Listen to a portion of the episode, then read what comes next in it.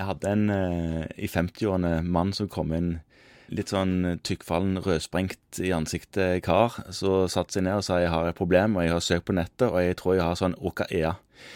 Og da tenkte Ja. jeg, hva er det du mener nå? Og så kom jeg etter hvert, tenkte jeg, så jeg på han, og så hadde han sånn stor, sånn knudrete potetnese, liksom. Ja. Så, så dukte det opp sånn rinofyma-ord i bakhodet på meg, og så tenkte jeg at han må ha ment rosacea, eller rosacea. Det har han nok meint. Det er jo Dette ikke er- opplagt at det skal uttales sånn. Nei, men de har egne for- uttalelser på disse tingene. Ja. Hvor vanlig er egentlig dette her? Det er litt vanligere enn man tror. Den nesa er jo ikke det vanligste. Nei, men det er heller ikke egentlig rosacea. Eh. Nei, det er jo mer et sånt følge av langvarig ubehandlet stående greier, og det, det er en del av bildet. Ja. eh, Som ofte så er det kjennetegnelse av flushing, altså at de blir veldig røde i ansiktet, og så at de får et sånt kviselignende utslett. Og de syns ikke det er kult å gå i ungdommen igjen på den måten der. Det, Nei. det rammer i hovedsak voksne folk mellom 30 og 50. Og det er ganske vanlig, altså. Sånn 3-5 prosent av befolkningen, alt etter hvem du spør. Ja, OK. Så det er vanligere enn man tror. Og det er faktisk litt flere kvinner enn menn, men de får jo ikke sånn nese som oftest. Kvinnene? Ja. Det er kanskje derfor vi underkjenner det bitte litt også, Ja, kanskje. og hører jo med til disse pustuløse hudlidelsene, som det er flere av. Mm. Jeg vet jo ikke helt hvorfor dette kommer. Nei, men det ser ikke fint Altså, det ser, jeg skjønner at de sliter med dette her, altså. Ja, for det sier ser, du det til de, eller? eh? Jeg sier at ja, jeg, ser at, altså, jeg forstår at du kommer til meg med dette, Ja. sa jeg til han. Ja, nei, for det gjør man jo. Man må på en måte prøve å formidle det på en litt grann skånsom I måte. et elegant måte, ja. Ja. Mm.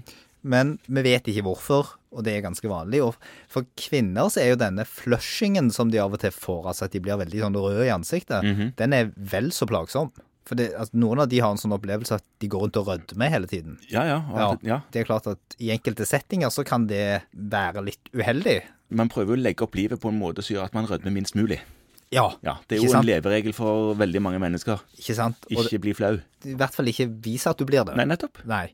Eh, Og hvis man da viser at man blir det uten å bli det, så, så Er det blir jo ekstra gale? livet ganske problematisk, og da, ja, da kan man jo bli det. Det er jo enda verre. Sånn at disse må få hjelp. Og det finnes god hjelp. De gjør det, OK. ja. Det er en del sånne lokale rosacea-midler som du går an å gi. Eh, Lokalvirkende kremer, eh, som er litt de samme tingene som vi gir mot akne. ok. Og så er det det som vi kanskje ikke er så glad i lenger, som er antibiotika. Ja, for det der er litt sånn, går litt sånn på kollisjonskurs med det vi alltid eh, lærer, at vi skal være tilbakeholden med antibiotika, skal man bruke det så kort som mulig. Nå er det vi skal bruke her, er nå iallfall smalspektra. Det er ikke så veldig tetrasykliner. Ja, altså, Så ikke sånn kjempesmalt spekter. og lenge òg. Ja, eh, sånn at det er en skift over på andre ting. Det er klart at isoretionin går det an å bruke, Ja. og, og mye tyder på at vi skal være litt mer eh, på tilbudssiden i forhold til dermatologer og hudleger, altså, med disse pasientene, hvis du ikke kommer til mål med lokale midler. ja. For det nytter ikke for han med potetnesen å smøre inn den med kremer. Nei, han kan også få laserbehandling. Ja. Det, det funker for noen av de, og da må han også til hudlege. Mm. Eh, For det er hudlegene òg som starter opp eh, denne A-vitamin, eh, Ja. altså isotrationinen. De, Det- de skal mest gjøre det. Det er hudlegeoppgave å gjøre det. Ja. da skal du henvise deg dit. Og jeg tenker at ja, hvis du tenker at en antibiotikakur har noen ting for seg, så er det nok ikke feil på noen som helst måte å prøve det. Nei. Eh, Men vær liberal med å henvise videre hvis det ikke har tilstrekkelig effekt. Ikke la de gå i måneds og årevis på det Nei. uten effekt. Og så finnes det også nå en eh, litt nyere krem, noe som heter eh, Mirvaso, som er en sånn der en eh, Ja. antianemisk krem som gjør at de rødmer mindre. Nettopp. Den er det noen som har veldig glede av. Ja, det er mer sånn symptomatisk Det er sak. mer symptomatisk behandling. Ja, Men det er jo en del som bare har symptombildet som er utrivelig, ikke har disse store, knudrete nodulusene eller den nesen som vi har snakket om. Stemmer det? Ja. De kan ha glede av det. Anbefaler at man prøver det. Ikke vær så redd for å prøve disse lokale midlene. Noen av de vil ha den effekten at de ikke blir veldig mye bedre i løpet av de første par ukene.